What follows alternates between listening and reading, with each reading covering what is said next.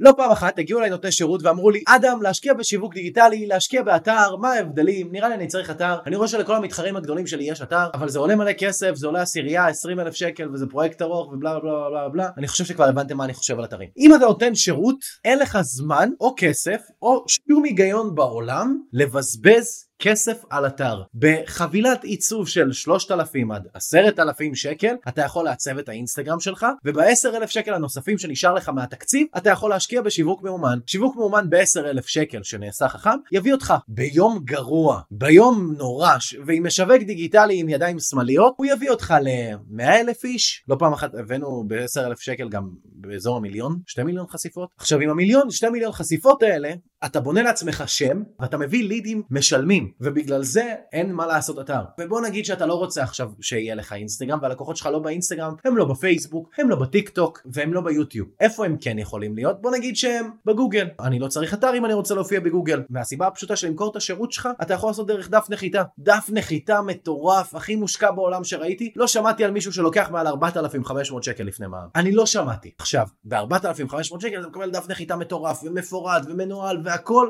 והחלק הכי יפה, שאנשים שמתמחים בדפי נחיתה הם תקתקנים. הם לא ייתנו לפרויקט של דף נחיתה להיות מעל שבועיים אם הם אנשי מקצוע רציניים. וזאת אומרת שאתה תוכל להתניע את העסק שלך כמה שיותר מהר, ולהביא כמה שיותר מהר לקוחות משלמים. ובגלל זה אין אף היגיון בעולם לבנות אתר גדול ורחב מלא בפרטים ומלא בעמודים, כי זה בזבוז זמן ענק והתועלת של זה תהיה מאוד מאוד נמוכה. עכשיו, מה לעשות עם ה-15-500 אלף שקל שחסכתי בזה שבניתי דף נחיתה מושקע? דחוף אותם על שיווק מאומן בגוגל ובפלטפורמות אחרות בפייסבוק ובאינסטגרם וביוטיוב ובטיק טוק ומשם תביא לקוחות משלמים. אני לא מבין אנשים שמחפשים לבנות נכסים דיגיטליים בצורת אתר כי בדרך כלל אין להם קהילה מספיק גדולה שתיכנס בכלל לאתר שלהם ותקרא את כל מה שהם מילאו בו ובגלל זה אתר זה בזבוז זמן וכסף. אני הדבר אין לי שום דבר למכור לכם בטח שלא אתרים תעקבו אחרי עכשיו אם אתם רוצים לדעת לשווק דיגיטלי כמה שיותר חכם.